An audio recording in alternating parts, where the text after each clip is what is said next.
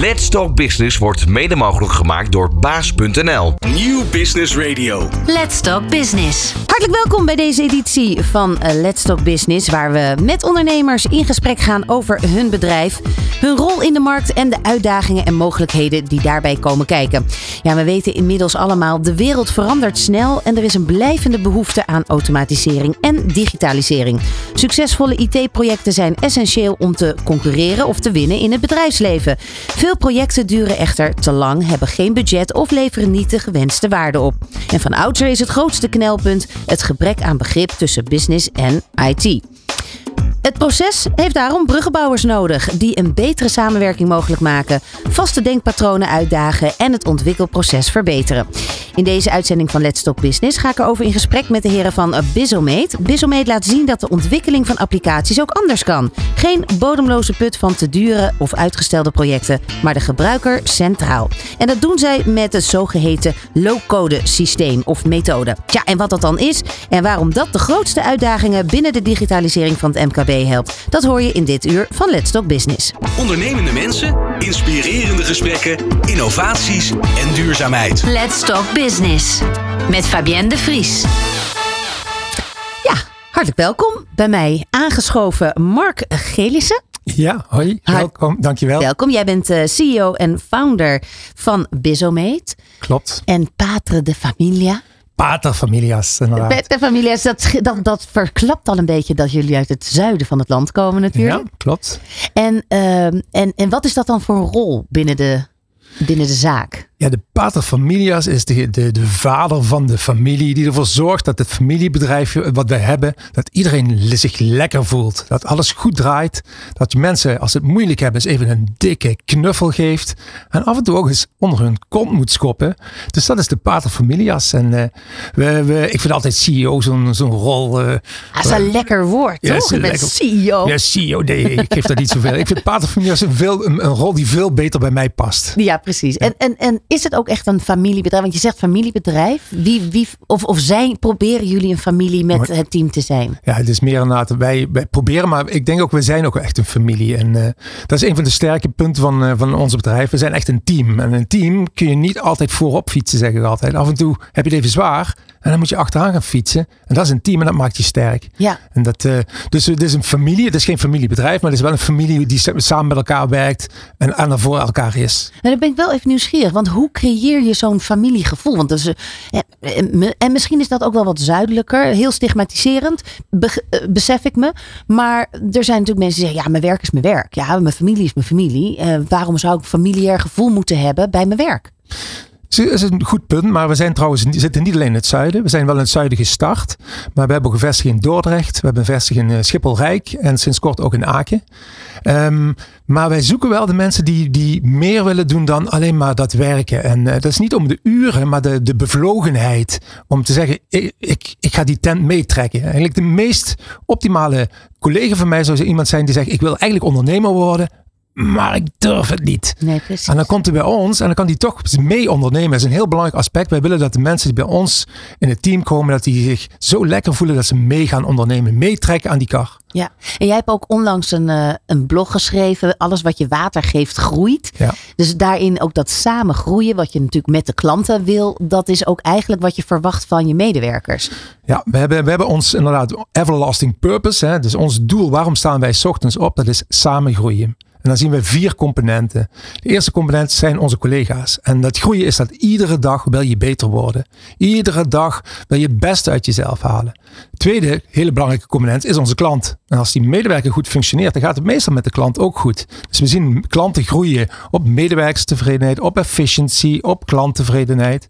De derde factor is de maatschappij.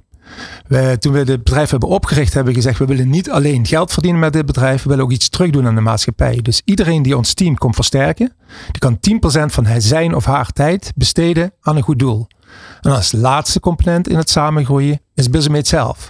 Maar als die eerste drie, als je die goed doet, dan groeit Bizemate automatisch. Automatisch, ja. Dus dat is niet de doelstelling. De eerste drie zijn de doelstellingen en Bizemate groei is een afgeleide eigenlijk. Ja, en jij zet, jij zet jezelf ook uh, in voor goede doelen. Ja. Uh, kinderprojecten in Guatemala.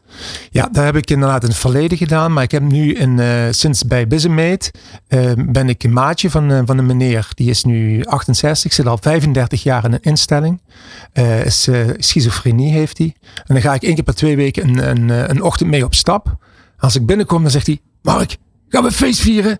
Ja. En ik moet zeggen, dat is zo mooi om te doen. En als, als je andere mensen kunt inspireren bij ons in het team om dat ook te doen, dan is dat uh, fantastisch. Je gaat eigenlijk met meer energie kom je naar huis dan je naartoe ging. Kijk, dat is wat je wil. En dat is, dat is een heel belangrijke component. Dus eigenlijk zit in ons DNA dat we dat doen. Ja, ja. en gaan jullie ook bij elkaar allemaal op de uh, visite bij de verjaardagen en zo? Nee, dat, dat, als familie doe je dat niet.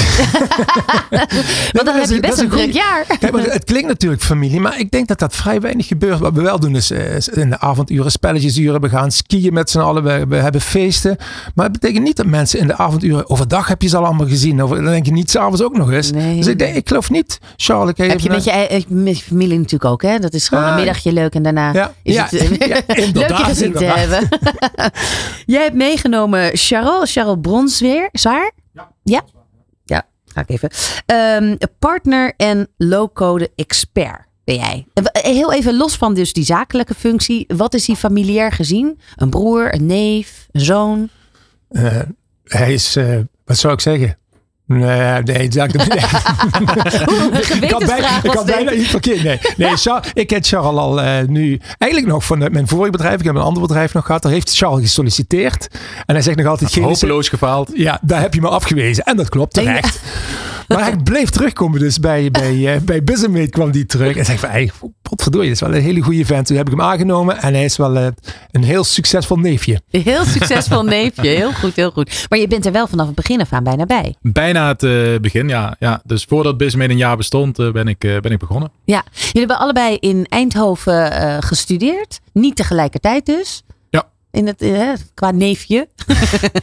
ja, er zit wat, uh, wat leeftijdsverschil tussen. Dus, klein uh, beetje, Charles. Klein, ja, klein beetje. Maar jij bent echt de techniek, de techneut, de, de, de, de techniekfreak, zullen we maar even zeggen. Degene die echt op een gegeven moment, nou ja, eigenlijk alles van alle systemen weet. Ja, kijk.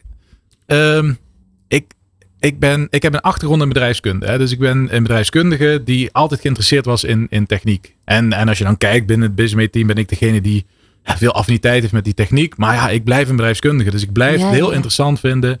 Hoe werkt nou eh, techniek en IT en automatisering? Hoe werkt dat nou voor daadwerkelijk het bereiken van ja, je, je, je bedrijfskundige doelen? En hoe, hoe zorg je nou voor dat een organisatie beter, uh, beter werkt, efficiënter werkt, uh, beter voor zijn klanten omgaat. Ja, dat is wel echt een verschil inderdaad. Of je inderdaad echt heel erg in die, in die codes, dus hè, het coderen van software uh, zit en die systemen ontwikkelen. Of dat je dus dat ziet wat de laatste trends zijn, eh, die goed zijn voor je bedrijfsprocessen. Ja, ik denk, ik, ik, ik zie die techniek altijd als een voorwaarde. Die, die, die, die techniek en de technische platformen die je hebt als organisatie, die je tot je beschikking hebt, dat is je, je gereedschapskist. Dat moet op orde zijn, dat moet goed zijn. Uh, maar ja, we leven in 2023, alles kan hè, op technisch gebied.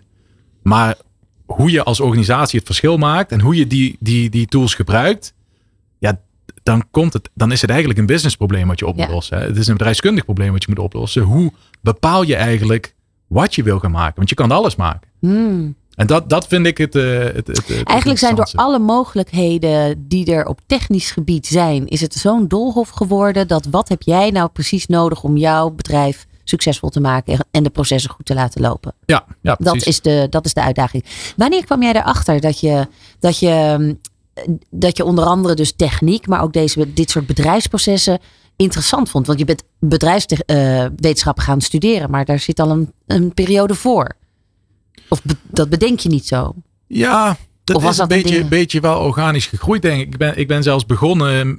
Mijn eerste studie was biomedische technologie. En dat was helemaal aan de beta-kant. En, en, en ja, dat, dat was het uiteindelijk niet. En toen ben ik in de bedrijfskunde geland. Dacht, oh, dit is wel dit is wel interessant. En, en, en daarnaast gewoon ook privé interesse in, in computers en in, in, in, in techniek.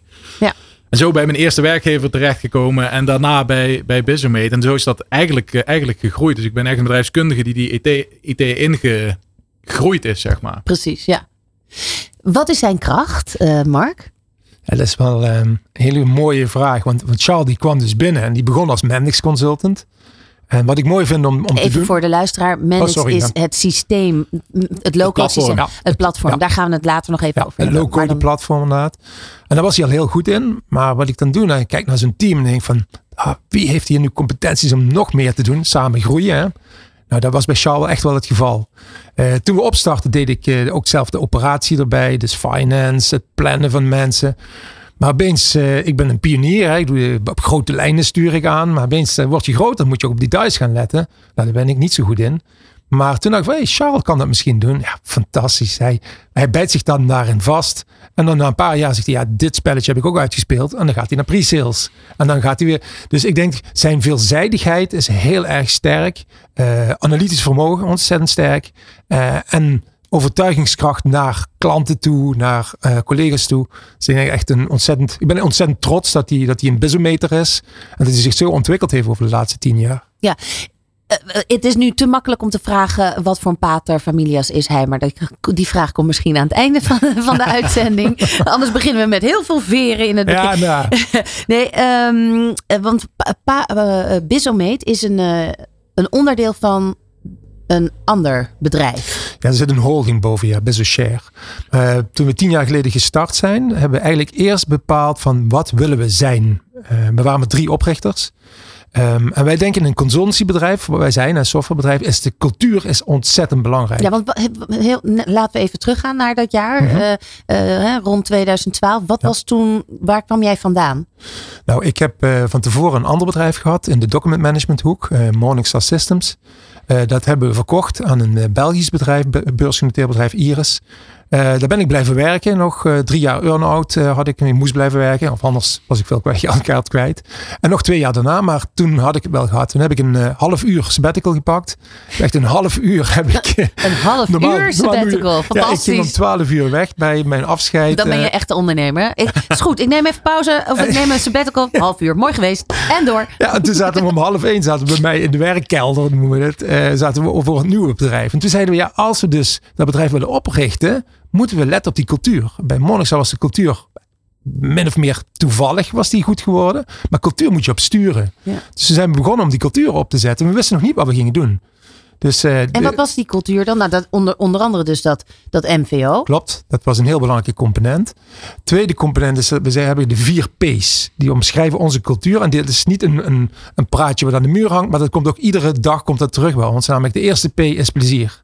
Ik zeg altijd, als je naar binnen komt bij ons op kantoor om te werken. En je hebt, uh, je hebt een lange bek. Dan gaan we weer weg. Uh, jongens, hard werken, hard lachen. Ja. Tweede P is, ja, heeft iedereen natuurlijk passie. Maar ja, als je geen passie hebt, dan krijg je nog geen glaasje water verkocht. Mensen willen zaken doen met mensen die passie hebben. De derde P is prestige. Mooi in het zuidelijk, zeg prestige. Ja. Maar prestige is altijd het beste uit jezelf halen. Ik vind Mathieu van der Poel bijvoorbeeld, vind ik echt daar een voorbeeld van. Hij gaat niet voor de tweede plek. De eerste, Eerste. plek telt. Ja. En als ik op die tweede word, dan ga ik huilen. Ja. En als laatste P is professionaliteit. Jongens, alles wat je doet, moet je trots op zijn, moet goed zijn. Afspraak is afspraak. Die vier P's, die, die zijn in, echt in, in steen gehouden bij ons. En dan kijken we ook een nieuwe businessmeter. Past die daar binnen ja of nee? En als laatste bij die cultuur hebben we nog gezegd. Um, de medewerkers, de collega's, moeten ook het gevoel hebben dat het hun bedrijf is. Dus 20% van de aandelen zijn in handen van onze, onze collega's. Oh, wow. oh. Nou, toen hadden we dat en toen moesten we wel gaan kijken wat gaan we doen. Ik wou net zeggen, maar dat is echt een hele nieuwe manier, of een andere manier in elk geval, van aanvliegen. Die hoor je niet vaak. Mensen hebben altijd iets van, ik wil iets hier of hierin gaan doen. In plaats Mhm. van, oké, dit zijn mijn waarden. En waar kan ik van toegevoegde waarde zijn? Ja. Ja, ik denk dat dat de manier zou moeten zijn waarop je moet denken. Want die, die wat zeiden ze ook wel, culture eats, of uh, uh, ja, culture eats strategy for breakfast. Hè? En, en dat, ik geloof daar echt wel in. Als je een goede cultuur hebt. Ik zeg altijd, als wij koekjes gaan bakken, worden we de beste koekenbakkers. Ja. Dus uiteindelijk gaat het om de mindset. Uh, en dus wat je daarna gaat doen. Ja, in IT zijn zoveel mogelijke wegen. En je gaat iets proberen. Werkt dat? Oh, dan ga, je door en anders ga je iets anders doen. En, waar, en waarom werd het IT? Nou, we waren wel drie ondernemers uit de IT afkomstig. Dus uh, ja. En wat was, uh, wat miste je op dat moment? Uh, bedoel je als, als persoon? In of de wat? branche, in de branche. Wat, Ah. wat is, wat is eigenlijk het uitgangspunt geweest toen der tijd om het bedrijf op te starten met deze waarden? Mhm. Maar om waar, waarom moest er Bizomate komen? Nou, ehm, eh, je zag dat de technologie, inderdaad, wat Charles zei, dat die er wel was. Maar hoe die toegepast werd, was, was een verschil. En toen kwam ik in aanraking met, met low-code. Dat woord bestond toen nog niet eens. En uh, ik ging naar een uh, Rotterdams bedrijf, Mendix.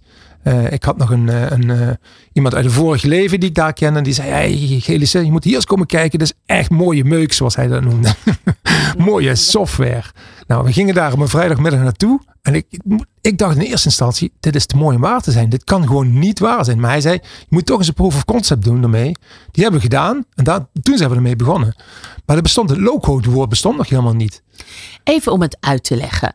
Want low-code, ik weet met programmeren en software uh, komen allerlei codes bij kijken. Dus ik kan me zo voorstellen, als ik er naar kijk, dat alles sowieso er high-code uitziet.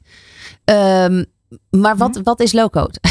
ik denk dat dat nog wel, nog wel meevalt. Ik denk mm. als je een keer meekijkt, dat je dan het, het, misschien niet zelf kan doen meteen, maar dat je wel snapt wat er gebeurt. En dat je, uh, dat je en dat is uiteindelijk wel iets wat, wat, wat low-code brengt. Hè? Dus kijk, traditioneel, je hebt, het, je hebt het over maatwerk software maken. Dus over software maken die er vandaag nog niet is. En ja, je ziet dat steeds meer organisaties behoefte hebben om die maatwerk software te maken. Maar traditioneel gezien is dat altijd duur geweest, moeilijk geweest, lange doorlooptijden, hoge risico's. En wat je ziet is dat low technologie is een beetje in dat, in dat gat gesprongen tussen we kopen standaard software die we dan maar moeten gebruiken zoals het is. En we maken hele dure maatwerksoftware. Nou, je ziet dat, dat door low-code, het, het, het, het, maken van software is makkelijker geworden. Dingen, ja. het, wordt visueel bijvoorbeeld. Hè, dus Um, ja, die, die, die, die, die, uh, die drempel om, voor organisaties om dat te doen. Dus je hoeft, je hoeft minder budget te hebben zeg maar, om, daaraan, om daaraan te beginnen. En ja, want normaal als we eventjes een programmeur nemen die een, een software tool gaat uh, ontwerpen, dan, dan is hij daar lang mee bezig, want daar zitten heel veel codes in. Mm -hmm. Op het moment dat dat dus simpeler kan, um, geeft het en ruimte voor flexibiliteit. Ik denk hè, dat dat ja. voor jullie ook heel belangrijk is. Maar dan is het dus ook makkelijker uh, korter, korter te, te maken. Eigenlijk ja. is het het comprimeren van wat het voorheen was. Ja, maar het is ook dat het een, vaak een ander type persoon is die dat dan doet. Als je kijkt naar de mensen die bij ons werken, dat zijn geen uh, mensen die uh, informatica gestudeerd, gestudeerd hebben. Mm -hmm. We hebben er een paar natuurlijk, hè. Die, die heb je ook wel nodig. Maar veel uh, mensen, mensen bestuurskunde, psychologie, bedrijfskunde. Zelfs een paardendokter.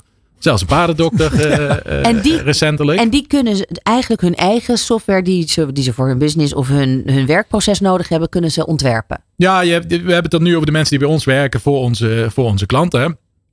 En, en, en daar zie je dus aan dat, dat als je dan in zo'n project zit, hè, want je, je doet een project om software te maken, um, dan is het begrip, het gedeeld begrip veel beter. Dus, dus iemand met een, met een, met een wat bedrijfskundigere achtergrond kan veel beter in discussie met een gebruiker gaan of met een directeur gaan. Uh, over ja, ja, wat is nou echt de vertaalslag makkelijker maken ja, van wat de klant wil. Ja, Waarin vroeger vaak daar heel veel stapjes tussen zaten. Tussen uh, ja, een business analyst en uh, een technisch analist en een ontwikkelaar. En dan krijg je dat spelletje wat je vroeger in de klas bij de juf had ja, het eerste verhaal, het eerste zinnetje wat gezegd wordt. En aan het einde komt er iets heel anders uit. En dat is mhm. ja. wat je traditioneel heel veel ziet gebeuren. Maar dat is dus wat, wat, wat waar jullie nu uh, al tien jaar dus mee werken. Maar was dat wat toen in ontwikkeling was? Ontdekte jij dat toen? Nee, dat, dat zou een te groot, uh, grote eer zijn voor mezelf. Want er was een bedrijf wat al bestond. Uh, maar wel toen, toen net aan het doorbreken was. Het is een Mendix bedrijf uit Rotterdam. Um, en wij zijn wel direct op die kar gesprongen van hey, dit, dit, is, uh, dit is echt een, een hele nieuwe manier van werken. Dit heeft een gouden toekomst. En dat is ook wel gebleken, want uh, uh, inmiddels zijn ze met, wat zijn ze, 1300 man. overgenomen wow. door Siemens. maar daar moeten we als Nederland weer eens trots op zijn om zo'n mooi softwarebedrijf te hebben gehad en nog steeds te hebben. ja. ja. Ja, en dat is natuurlijk een prachtig uitgangspunt om, met, om de boer mee op te gaan. Ja. Zeggen, jongens, jullie doen het nu zo, duurt hartstikke lang, ingewikkeld. Ja. De, de, de IT'er die het moet doen staat mijlenver van jullie klanten ja. vandaan. Uh, hier hebben wij een oplossing voor. Ja, zeker die, die, die common understanding tussen de business en IT. Dat is wat jij net in de introductie al zei. Dat is vaak het probleem. Business en IT spreken een andere taal. En dan gaan ze hier het hok uit en denken ze van ja, we snappen elkaar, maar uiteindelijk hebben ze een heel ander beeld. Dan wordt er iets opgeleverd en denkt business, huh, wat heeft IT nu gedaan? Ja. Maar van de andere kant, business weet ook vaak niet precies wat ze willen. Dus het ligt echt niet aan één kant, het ligt aan beide. En je moet zorgen dat die beide met elkaar goed kunnen communiceren. En dat zijn de bruggenbouwers. Ja, dat zijn de bruggenbouwers. Ja, precies. Um, dus uh, business design is de, de, de, de, de drie componenten die jullie doen. Is business design, low-code development en dynamic case management. Het zijn allemaal mooie Engelse woorden voor. mooie hype-termen, ja. mooie hype-termen. Ja. is IT, hè? Ja, ja, ja. ja, ja. Hoort, er, hoort, hoort erbij. Charles, uh, uh, leg ze eens uit. um, nou, kijk, wat je, wat, wat, um, waar, waar wij vaak beginnen, hè, is, is, is um, uh, uh, vaak heeft een organisatie een, een, een, een doelstelling en, en, en, en, en daaraan gekoppeld een, een uitdaging. En um, wat, wij, wat wij wel geleerd hebben de afgelopen jaren is, ik denk in, het begin, in onze beginjaren gingen we wel met oogkleppen op, wap, dat probleem in en wij maken wel een oplossing. Ja, we gaan wel, een oplossing stop. maken. Wacht even, je gaat nu echt al in op de uitdagingen. Ja. Ja, heel kort, dat, dat, daar gaan we het zo over hebben. We gaan eerst even een plaatje draaien. Ik wil heel kort weten, business, des- business design, zou je kort kunnen noemen? Ja, en dat is denk ik vooraf beter nadenken over hoe moet die oplossing er dan gaan uitzien. En, dus, en dus echt, eh, echt rond gaan lopen op de werkvloer. Kijken wat gebeurt er nou eigenlijk. En, Ja. en, en, en wat zou een slimme oplossing zijn. En we gaan het dan zometeen ook hebben over dan wat dynamic case management is. Let's Talk Business op Nieuw Business Radio. Ja, de low-code methode, eh, agile werken, het zijn van die containerbegrippen. Maar als je er wat dieper in duikt, kan het je wel heel veel opleveren, veel eh, voordeel bieden. Ehm, want uiteindelijk is agile werken, en dan kijk even naar Mark, is gewoon eigenlijk de beweging, de bewegelijkheid, de lenigheid van een bedrijf. En ik vind het een ontzettend mooi woord, agile. Agile, ja. Maar agile wordt vaak verbonden met IT, maar ik denk dat je dat op een veel hoger niveau moet plaatsen. Als ik namelijk mijn IT agile heb, maar mijn, mijn CEO of mijn, mijn board is niet agile, dat werkt niet. Nee. Ik denk dat een, een hele business moet agile zijn. Kijk om je heen, wat gebeurt er? Kan ik snel in, en daarop inspringen? Dan moet natuurlijk IT ook agile zijn. ja. En is het dan zo dat als het bedrijf groter is, moeil- dat het moeilijker is om agile te zijn? Is dat gewoon het, het simpele standaard? Ik denk het helaas dat het vaak het geval is. Eh, maar dat is ook weer een bedrijfskundig iets. Hè? Dat je, eh, je kunt het ook anders organiseren. Dat je wel agile blijft. Maar in de hiërarchie met de, met de harkjes die we hebben, wordt dat steeds moeilijker Ja. om, eh, als je groter groeit. Ja. Charles, ik denk dat dat wel een van de grotere uitdagingen binnen, binnen MKB-bedrijf is. Hoe krijg je je top-down je bedrijf agile? Ja, zeker. Want, want dat is wel iets wat ik de afgelopen jaren geleerd heb. Ik ben natuurlijk, ik, ik, ik, ik ben nu eh, 37, dus ik ben in, in mijn, mijn werkende carrière best wel in die agile opkomst eh, opgegroeid, zeg maar. En het he- heeft mij wel tegengevallen hoe langzaam die organisaties mee veranderen met die nieuwe, eh, zo'n zo'n nieuwe beweging. En ehm, wat je ziet is dat heel veel organisaties zeggen: ja, ja we zijn agile en eh, we doen eh, Scrum en we hebben. En dan, en, dan, en dan schaap je even zo dat laagje ervan af. En dan zie je: nee, maar jullie zijn gewoon nog alle ouderwetse, hiërarchische eh, principes gelden nog steeds. Hoe komt dat? Ja, hoe komt dat? Dat komt denk ik omdat hoe hoger je in de organisatie komt, eh, mensen zitten die er al langer zitten. En eh, hun eh, nou ja, trucje is oneerbiedig, maar de manier waarop zij werken is altijd heel Ja. succesvol geweest. En Dus dus, ja. veilig. En veilig. En ja, dat, is ook, dat is ook heel erg eh, eh, te begrijpen. Maar je ziet tegelijkertijd ook de organisaties die wel in feite de onzekerheid omarmen. Want dat is natuurlijk wat je met Agile wel moet doen. Hè. Je moet in feite de onzekerheid omarmen en, en, en, en weten dat jouw organisatie eh, ehm, de, de, de flexibiliteit heeft om zich aan te passen. Dat, dat vereist een bepaalde mate van vertrouwen in je organisatie. Dat die organisaties beter presteren. En Ja, want ze kunnen beter inspelen op de trends, eh, veranderingen. eh, of dat nou een, een oorlog in China is, of eh, in, in, in Oekraïne, of, of eh, het stilleggen van de fabrieken in China, of hè, wat er ook gebeurt, dat je Ja. direct kan meebewegen. Vergt dus niet alleen een agile ehm, bedrijf of instelling, maar dus ook, Mark, de mensen. Wat voor type mensen heb je daarvoor nodig? Het zijn mensen die, die autonomie eh, eh, eh, wensen zelf. Dus mensen die echt initiatief nemen. En ik denk dat de mm, 99 tot 100 misschien procent van de mensen dat wel heeft. Want iedereen kan huizen kopen, kan auto's kopen, kan alle dingen zelf regelen. En dan komen ze een bedrijf binnen en dan zouden ze het niet meer kunnen. Maar we worden daar vaak tegengehouden. Dus ik denk dat, eh, dat het niet zo het type mens is, maar hoe de organisatie met eh, de competenties van de mensen omgaat. Ja. Dus het is niet zo'n type mensen. Ik denk, alle organisaties kunnen dat. Je moet vertrouwen geven en je moet mensen ook fouten laten maken. Eh, en daarvan leren. Dat is agile. Ja, Charles, jij zegt dus eigenlijk ook dat de mensen die dan ehm, in de wat hogere regionen, dat zijn de mensen die vaak al wat langer eh, aan het werk zijn, die groeien natuurlijk binnen zo'n bedrijf, die nemen eigenlijk die erfenis mee nog van het tijdperk voor agile. Ja, ik denk dat dat, dat, dat zeker, eh, zeker gebeurt en niet overal. En je ziet dat, eh, dat een, in, in bepaalde organisaties dat een stuk voortvarender eh, gaat. Ehm, maar Is dit is daardoor natuurlijk... de- ehm, Is daardoor de gap tussen de start-ups en eh, nou ja, de wat langer bestaande bedrijven eh, groot in Nederland? Dat weet ik niet. Ik denk dat het, een, een, een groter bedrijf heeft een hele hoop bagage mee natuurlijk. En, en, en dat, dat, eh, dat, die heeft een start-up niet. Dus een start-up heeft heel vaak een, een, een, een concurrentiepositie. Ja, die, die kunnen van nature veel agiler zijn. Dus bij een, bij een, bij een bestaande organisatie is het een grotere uitdaging, denk ik, om, eh, om dat eh, te gaan doen. Maar wel iets dat, dat ja, in mijn ogen moet gebeuren. Ja, wat zou daarin de beste aanpak zijn? Stel, er zijn ondernemers die luisteren die zeggen, nou, het kan bij ons eigenlijk ook wel iets eh, flexibeler. Ja, ik denk dat, dat, dat als, je dan, als je dan bijvoorbeeld naar IT kijkt, het, het, het uitvoeren van IT-projecten een heel belangrijk middel is om een organisatie mee te krijgen in een bepaalde verandering. Kijk, wat je niet moet doen is een IT-project doen om je organisatie te veranderen. Dat werkt niet, dat hebben we gezien. Maar wat je wel kan doen is met een IT-project aan je organisatie laten zien wat je allemaal kan bereiken met z'n allen. En dat moet dus hand in hand gaan met elkaar. En als je dan mensen op de werkvloer enthousiast krijgt over oh, dit is cool, dit werkt voor mij. En als ik eh, nu een vraag stel, dan heb ik over twee weken heb ik, eh, heb ik daar al een oplossing voor in de software bijvoorbeeld. Hele korte feedback loops en zo mensen betrokken krijgen bij dat proces. En dus samen software bouwen in plaats van, ja, die IT-afdeling bouwt dat. Nee, we bouwen dat samen. En op zo'n manier krijg je eh, een, een agile eh, mindset in, in zo'n project bijvoorbeeld. En dan kun je zo'n olievlek laten uitbreiden op andere eh, gebieden in je organisatie. Ja. En wat je ook trouwens wel eens hebt gezien bij die grote organisaties, hè, dat, dat ze dan een start-up maken net naast hun organisatie, omdat, weet je, wel, dan krijg je een kraamkamer. Ja.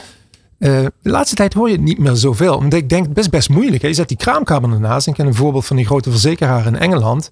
Maar daarna kwamen die baby's uit de kra- kraamkamer. Die moeten wel geadopteerd worden weer in de bestaande organisatie. En dat was heel moeilijk. Dus het, is, het, is worstelen. En dat is net ook het leuke, denk ik, van, van het eh, wijzigen van een organisatie. Bij het bouwen van een organisatie. Dat je continu moet uitproberen wat werkt, wat werkt niet. Ja, je, jullie zeggen dit nu na tien jaar, hè? dus dat is ook een beetje hindsight is 2020. Eh, de- de- hoe hebben jullie dit zelf gedaan? Want met hoeveel mensen werken jullie nu? We zijn nu 70, eh, 70 eh, 70 man? collega's. Ja, ja, ja. precies. Dus hoe zorg je, eh, hoe hebben jullie daar zelf voor dat, dat agile? Ook dat is, bij ons is dat ook een zoektocht en nog steeds. Eh, toen wij 30 waren, toen eh, zeiden sommige mensen al, oeh, hoe houden we die cultuur, hoe houden we die in stand? Nu zijn we 70 en nu zeggen mensen nog steeds, oeh, hoe houden we de cultuur in stand? En dat is een, een, een zoektocht waar we iedere dag mee bezig zijn. Maar dat zijn We wel twee dus- verschillende dingen. De, de cultuur in stand houden met die vier kernwaarden waar we het Mhm. net over gehad hebben. Die passie, eh, prestige, professionaliteit en plezier. En flexibel zijn. Dat zijn, lijkt mij, twee verschillende eh, focuspunten. Dat gaat voor een groot deel denk ik ook wel, eh, ook wel hand in hand. Ja. Maar wat je, ehm, ik zeg wel eens eh, intern, ehm, ja, we maken het onszelf ook niet heel makkelijk. Want wij, ehm, het, wat, wat, wat wel heel makkelijk in een organisatie is, is hiërarchie. Want dat werkt heel goed. Ja. Hè? Dat, dat is niet voor niks dat een leger zo, zo ingericht is. Dat, dat werkt heel goed. En wij willen dat pertinent niet. Maar dat betekent dat je dus zelfstandigheid moet introduceren. Maar zelfstandigheid betekent ook controleverlies. En ook risico's. En, ehm, eh, en ook het risico dat mensen ergens in de organisatie staan en niet meer weten wat ze moeten doen of, Ja. of wat van ze verwacht wordt. Ja, want hoe lossen jullie dat op? Hoe hebben jullie het ingericht? Nou, daar, daar zijn we nu heel druk mee bezig. Want zeker als je met 70 man bent ja, en, en, en als je naar 100 wil, ja, dan, dan moet je daar dus eh, antwoorden op gaan vinden zonder een tussenlaag te introduceren. Want Ja. dat is wat je traditioneel zou doen. En, en dat doen we door uh, op allerlei verschillende manieren die verantwoordelijkheid bij, bij teams te leggen. Bij, bij, uh, uh, en daar met z'n allen over te praten. Van hoe, hoe gaan we dat dan oplossen met z'n allen? Dus we hebben geen managers in het bedrijf. We, hebben, we noemen het gidsen. Er zijn zes gidsen. En een gids is iets anders dan een manager. Een gids kan zeggen, hey, daar gaan we naartoe.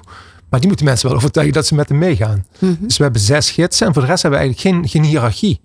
Uh, dus dat betekent, we hebben een aantal, bijvoorbeeld je zit in een, we noemen dat een guild of een bol.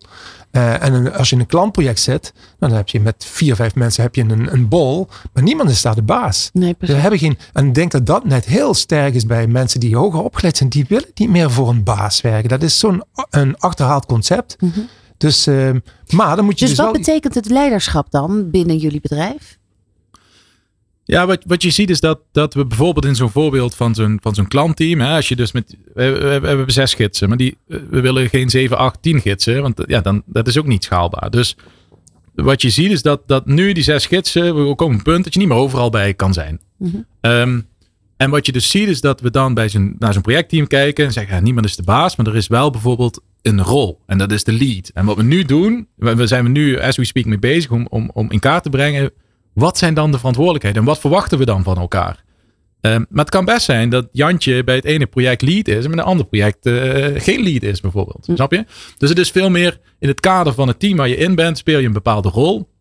Daar horen bepaalde verwachtingen en verantwoordelijkheden bij. Ja. Om, want je moet helderheid scheppen. Want als je dat Ja. niet doet, en dat, dat, dat, dat zie je in het verleden, dat, dat hebben wij natuurlijk ook tegen aangelopen. Ja, dan weten mensen gewoon niet meer wat ze moeten doen. En dan heb je geen sturing. Nou ja, je krijgt de archetypes binnen een bedrijf. Hè. De, de, de, ehm, ooit wel eens een training ge- gezien waarbij er de archetypes van Friends gebruikt werden.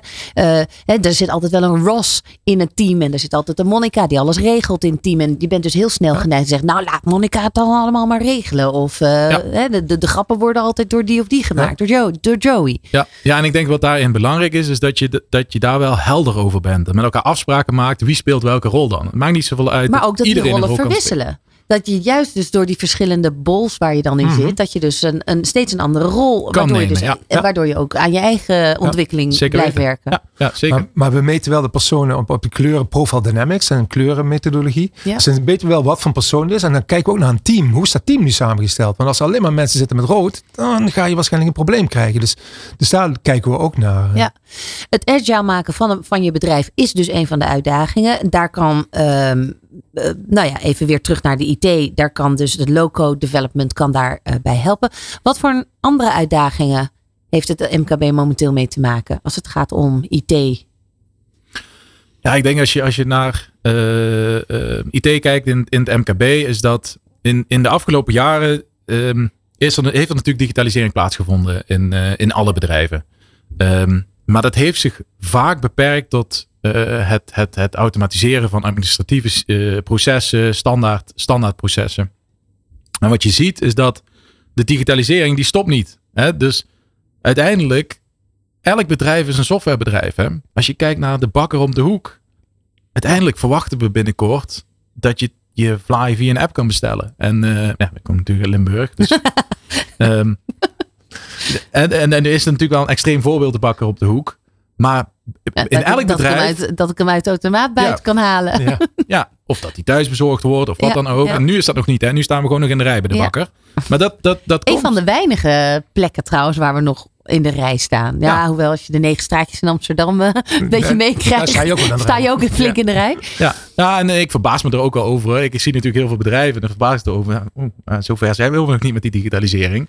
Dus er zijn nog heel veel stappen te zetten. En wat je dan ziet, is dat ehm, in het verleden eh, eh, aanbieders van standaard software altijd hebben gezegd, ja, dat, dat, dat kunnen wij wel voor jullie doen. Die unieke beleving die jij aan jouw klant wil bieden. En daarvan is denk ik de, de markt toch wel een beetje teruggekomen van ja, eigenlijk is dat niet het antwoord. Want dan gaan we een one fits Ja. non-solution eigenlijk toepassen. Ja, want wat is de unieke beleving van de klant op dit moment? Ja, dat is dus het, dat is dus het DNA van het, van het bedrijf dat je bent. Dat bepaal je zelf. En dat, is, Authenticiteit. Dat is jouw identiteit. Van je En dat bedrijf Is, dan, hè? Ja, van je bedrijf. Dus, ja, dat, is de hoe jij je onderscheidt van je Ja. concurrent. Ja. Ja. En, en die, systemen, die wil je net automatiseren. Ja. Maar die kun je niet met een standaard of met een maat, eh, standaard eh, systeem automatiseren. Daar moet je maatwerk voor bouwen. Anders is het namelijk per definitie is het niet meer uniek. Dus dat is eh, wat wij met, met onze low-code oplossingen doen. Precies. En dan zet je in feite de, de volgende stap in je digitalisering. En daarmee dus ook een volgende stap in eh efficiency. Want daar draait het uiteindelijk om. Hè? Uiteindelijk als organisatie wil jij met minder mensen meer groeien. En je wil niet eh, het aantal klanten verdubbelen en je aantal medewerkers ook verdubbelen. Hè? Liefste wil je, dat, eh, wil je dat beter doen. En daarvoor zul je moeten automatiseren. Maar je ziet dat de markt tegen de grenzen aanloopt van de standaard software. En nu wel een stap moet zetten naar maatwerksoftware. Nou, en dan komen we terug op dat waar we het, waar we eerder over hadden. Ja, traditioneel gezien is het maken van maatwerksoftware duur, moeilijk en risicovol. Ehm, en daar biedt, biedt, biedt Loco een oplossing voor. Hoe zorg je ervoor dat het dan eh, niet helemaal uit je handen weg glijdt? Dat als mensen op een gegeven moment bij een be- bedrijf dan eh, de mensen ehm, zo, nou ja, hebben leren low-code te denken, dat, eh, dat je de klant kwijtraakt. Ehm, ehm, hoe bedoel je de klant kwijtraakt? Dat, Nou, dat, dat, Nou, jullie helpen met een bepaald systeem. eh, eh, en dan een- eerst een business design, even goed nadenken. eh, dynamic ca- case management. Dus dat, er wordt waarschijnlijk één case, als ik het even zo mag invullen, uitgelicht. eh, zo, om, om, om te professionaliseren of om beter te laten Ja. verlopen. Ehm, dat doen jullie met de low-code methode. Nou, dat wordt geadopteerd en geadapteerd ook. ja, ja, ja. Ja. Ehm, en dan? Ja, dat, dat- Dan kunnen ze op een gegeven moment zonder zijwieltjes. Ehm, ja, dat kan, dat kan zeker. Kijk, ik denk dat wa- wat, wat, wat een heel groot risico in elk softwareproject is, is dat je ehm, in feite, als jij dus een klant bent en je begint aan zo'n softwareproject en je neemt zo'n platform of, of eh, eh, je begint software te maken, in feite be- bevind je je in een snoepjeswinkel. Want je kan alles. Ja. En hè, ik zei het al, het is 2023, we kunnen alles maken. Maar de discipline om te blijven bij jouw doel en om niet alles te maken en niet alles super fantastisch en tien te maken. ehm, eh, die discipline is, is de belangrijkste factor om een succesvol IT-project te, te runnen. Hm. Om eh, groot denken, maar klein doen. En accepteren dat je nu voor een 7 gaat, maar dat je wel al die software naar, eh, in productie zet en in gebruik neemt. Ja. En, en ehm, dat is iets wat, wat wij ook al geleerd hebben over in, in, de, in de afgelopen jaren. Daar moet je heel erg, heel erg eh, streng voor jezelf zijn. En dat is dus als, als, eh, als je dat niet doet, dan loopt dat dus uit de hand. Ja, en dan, dan krijg je verzuip dus, je. Dan verzuip je inderdaad. Ja. Ja, want het is inderdaad, eh, doordat alles mogelijk is, is het dus weer de kunst om eh, Terug te brengen, ja. terug te brengen, inderdaad, naar schoenmaker hou je bij je leest. Wat wil je nou enzovoort. Eh, wat, wat, wat kan er nog niet eigenlijk met IT? En helemaal ook nu met hele AI en alles in achtneming. Wat, wat kan niet? Kijk, wat, wat ik, ik, heb, ik heb een keer een klant gehad en die, en die, eh, die deden eh, expertises ehm, voor huisschade, voor verzekeraars. Dus die gingen een huis langs en gingen ze controleren van welke schade is. Dan deden ze een iPad, wij daar een mooie, mooie app voor gemaakt. Nou, super, super mooi. Maar die zeiden aan het begin van het project, zei ze, ja, wat wij, ehm, wat wij in ieder geval niet willen doen, is zorgen dat die expert minder tijd bij die klant is. Wij willen zorgen dat hij meer tijd bij die klant is. Maar dat hij zijn tijd bespaart bij het maken van het rapport. Hm. Want dat, eerst ging hij dus naar die klant. Dan ging hij daarna op kantoor nog zitten zijn rapport uittypen. Ja, en dat vond ik een hele mooie manier van denken. Van, nee, maar wacht even. Wij willen meer aandacht voor die klant eh, hebben. Ehm, en we willen de IT op de achtergrond zorgen. Dat alle, alles op de achtergrond gebeurt wat, wat, wat kan gebeuren. En als je het dan hebt over wat kan IT niet. Ja, dat. Eh, het contact met de klant. Die beleving. Hè, dus dus, dus je mensen tijd geven om aandacht te geven aan je klant. Ja, dat, is, dat, is, dat moet je doen met. met eh, dat is een van de doelen van, van, van IT. En ik denk, Charles, daar, daaraan toevoegend, wat we niet kunnen is een onduidelijk probleem oplossen. Wat we vaak zien Ja. bij klanten is dat het probleem helemaal niet zo duidelijk is. Wij komen binnen en we gaan vragen stellen. We gaan nog eens vragen stellen. En, nog eens vragen, en dan pas vinden we uit dat het probleem initieel eigenlijk anders is dan, dan ze in, in eerste instantie zeiden. Ja. En ik denk dat dat heel belangrijk is, dat je eerst goed dat probleem analyseert. En dan kun je het heel snel maken. Maar als je het verkeerde probleem oplost, heb je daar een app of een applicatie gebouwd die nooit gebruikt wordt.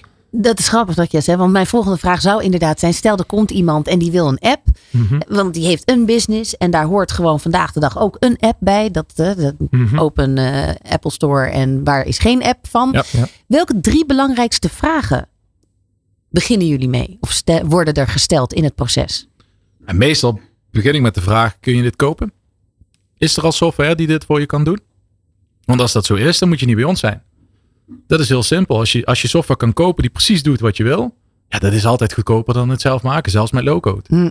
Ehm, ik denk dat dat, dat, dat, dat de, belangrijke, eh, de, be- de belangrijkste vraag is om mee, Mhm. om mee te beginnen. Ja, bestaat het al. Is bestaat de het al. businesswaarde.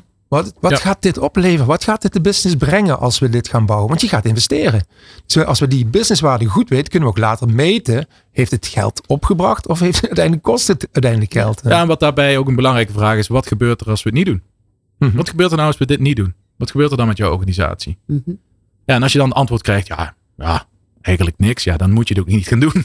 Hè, dus, dus, dus Er eh, moet een meerwaarde in zitten. Dat Ja. moet eruit komen. ja, exact. Zowel in geld als in ontwikkeling Ja. van het bedrijf. Ja, zeker. Want, want ja, wij, wij willen alleen maar succesvolle projecten doen. Dus wij willen alleen maar projecten voor onze klanten doen waarin we achteraf kunnen zeggen, ja, eh, je hebt dit betaald, maar kijk eens wat, wat het jou opgeleverd heeft. Weet je wat ik zo leuk vind? Eh, als ik op jullie website kijk en naar de klanten waar jullie al eh, eh, succesvol bedrijven hebben of projecten hebben geïmplementeerd en, en gedaan. dat jullie daar ook bij schrijven. We hebben er zo lang over gedaan.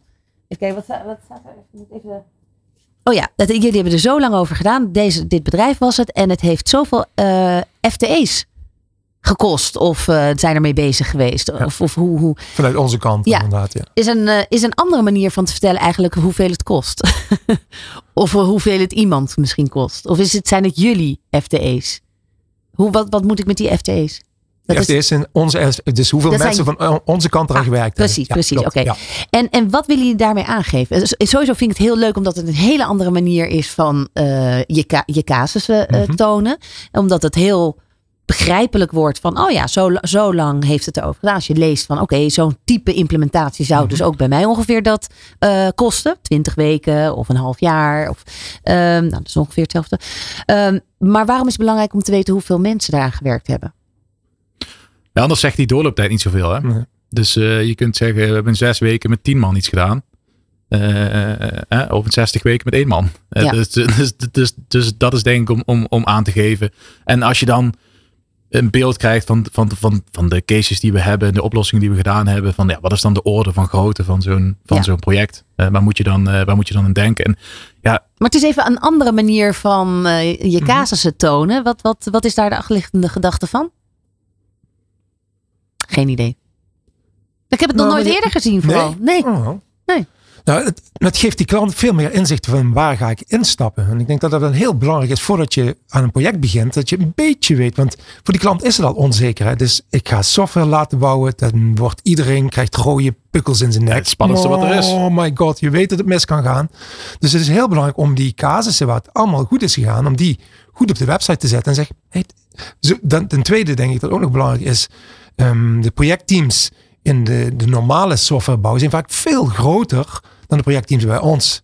Dus het is ook zoals je naar wat Charles zegt, tien, tien weken. Maar een, een klant gaat dan rekenen, acht man zitten erop, of acht FTE. Dan is het natuurlijk een ander kostenplaatje dan, eh, dan wanneer je het niet doet. Nee, dus ik denk dat, en dus vertrouwen bouwen. We gaan eh, straks kijken wat er nog eh, voor de toekomst op het spel staat. En ik heb nog de ondernemersvraag voor jullie. Blijf spannend. luisteren. Dit is Nieuw Business Radio. Let's Talk Business. Ja, we zijn eh, aan het laatste deel gekomen van deze Let's Talk Business. Waarin we met Bizzlemate praten ehm, over, nou ja, de low-code methode, de uitdagingen van de digitalisering eh, binnen het MKB op dit moment. Bizzlemate moet ik trouwens zeggen. Ik zei, ik, ik zei Nee, je Bizzle- zei het goed, oh, ik hoor. zei Nou, wel. Heel ja, goed. meetcode. ja, het zijn allemaal eh, mooie termen. Ehm, eh, even de ondernemersvraag. Laten we daar eens naartoe gaan. Spannend. Ja, ja, ja. Eh, ik begin met eh, Mark. Welk nummer? Mag ik voor jou? Nummer drie. Oeh, kijk. Dat is wel een, een mooie. Oké. Maak de zin af. Jullie zijn pas echt tevreden als... Onze klanten en onze medewerkers echt top in hun vel zitten en zeggen: Dit is fantastisch wat jullie doen. Ja. En wat moet dat? eh, dit, is, dit, is, dit is fantastisch wat jullie doen, want. Ehm, het leven, we kunnen samen groeien. Dat is het thema van ons, het samen groeien. En die klant, dat hij dus de, de, de, de waarde eruit haalt en veel meer van wat hij betaald heeft van ons. Daar gaat het uiteindelijk om. Ja, En voor onze medewerkers, dat ze iedere dag met plezier naar hun werk komen, zich ontwikkelen en eh, nog heel lang een businessmate zullen, zullen blijven. nou precies. Want dat is ook wel even leuk nog om te benoemen dat jullie voor het derde jaar op rij een Great Place to Work eh, certificaat hebben ontvangen. Ja, Dus dat- met een dat- score van 95 procent. Wauw. heel trots op zijn. eh. Nou, dat snap ik. Ja, Ja. want dan ben je echt meer bezig dan, of met meer bezig dan alleen maar en natuurlijk eh, omzet en een goed bedrijf opzetten. En niet alleen de klanten bedienen, maar ook nog eens het welzijn van je we- medewerkers in de gaten houden. Maar we gebruiken het trouwens niet als het certificaat. We vinden het heel belangrijk om eruit te halen wat we nog beter kunnen doen. Dus we kijken naar die scores en we zetten ook projecten op om te kijken, hey, waar we iets lager scoren, ga in gesprek met onze collega's. Wat kunnen we nog anders doen? Ja, en in het kader van de toekomst, wat staat daarin dan op de agenda? Ehm, vanuit de medewerkers. Het groeien in aantal van medewerkers vinden wij niet zo belangrijk. Wij vinden het belangrijker dat onze medewerkers zelf groeien. Alleen, soms zegt wel iemand tegen mij van, waarom groei je nog? Ik zeg, ja, je kunt natuurlijk zeggen, als je 70 man bent, dat is groot genoeg. Maar zo werkt het niet in de wereld. Hm. Dus eh, je kunt niet tegen klanten zeggen, nee, sorry, eh, we gaan het niet meer doen. Dus de groei van de medewerkers, dat staat echt gewoon op, bij ons eh, bovenaan. Ja, ja dat, is, dat lijkt me best wel af en toe een uitdaging. ehm, van je wil geen nee tegen klanten zeggen. Maar je hebt ook met de capaciteit van je mensen te maken. En de Mhm. werkload die ze wel of niet aan kunnen. Dus ga je investeren in je mensen. Dat ze nou ja, misschien nog, eh, nog meer kunnen. Maar tegelijkertijd zit daar ook een plafond aan. Dat blijft volgens mij ook steeds wel de, de ondernemersuitdaging. ja, dan groei je en, en nieuwe medewerkers werven. En eh, gelukkig, eh, het is natuurlijk niet makkelijk om, om nieuwe medewerkers te krijgen. Wij hebben het niet zo moeilijk. En we doen daar heel veel aan. We hebben twee employee happiness officers die daar continu mee bezig zijn met de Ja. bestaande collega's, maar ook met nieuwe collega's zoeken. En daar moet je keihard voor werken voor die, voor die eh, potentiële nieuwe eh, collega's te krijgen. Maar dat lukt ons erg goed. Voor jou ook eh, de ondernemersvraag. Welk nummer Het mag tot 15? Eh, zes. Kijk, pak ik die er even bij. Waar is die? Oh ja, die is ook hartstikke leuk. Komt die? Op welke con-collega, concurrent, zou je stiekem wel een beetje willen lijken? Oeh. Oei, oei, oei. Nu ben ik benieuwd. Concurrent. Even goed nadenken.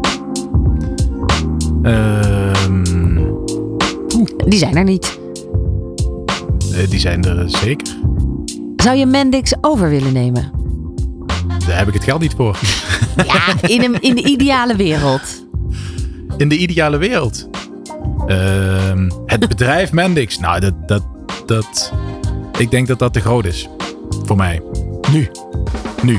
Ja. Ja, dat, Ik dat zou, het dus eh, ik zou inpandig er- wordt, hè? Dat, dat je ik dus zou echt alles in er huis goud voor geven om die, om die rit meegemaakt te hebben oorspronkelijk. Dat, dat, Ja. dat is een jongensdroom, denk Ja. ik. Als je dat mee ook hoe kan ze dat maken. gedaan hebben. Toen wij kwamen in 2012. eh, dat was nog altijd een start-up. We waren zo 17 man. Maar ook toen ze 200 man waren. En dat die start-up vibe vasthouden. Dat was echt ontzettend gaaf hoe ze dat gedaan hebben. Ja. Je kwam binnen en je voelde de vibe daar. eh, Echt, eh, ik krijg er een beetje kippenvel van.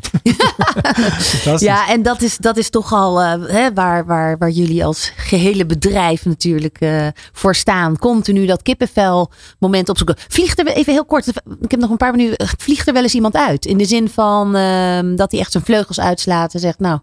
Ik eh, bedankt voor de opleiding. Ik heb het gezien. Helaas, nu raak je die gevoelige snaar.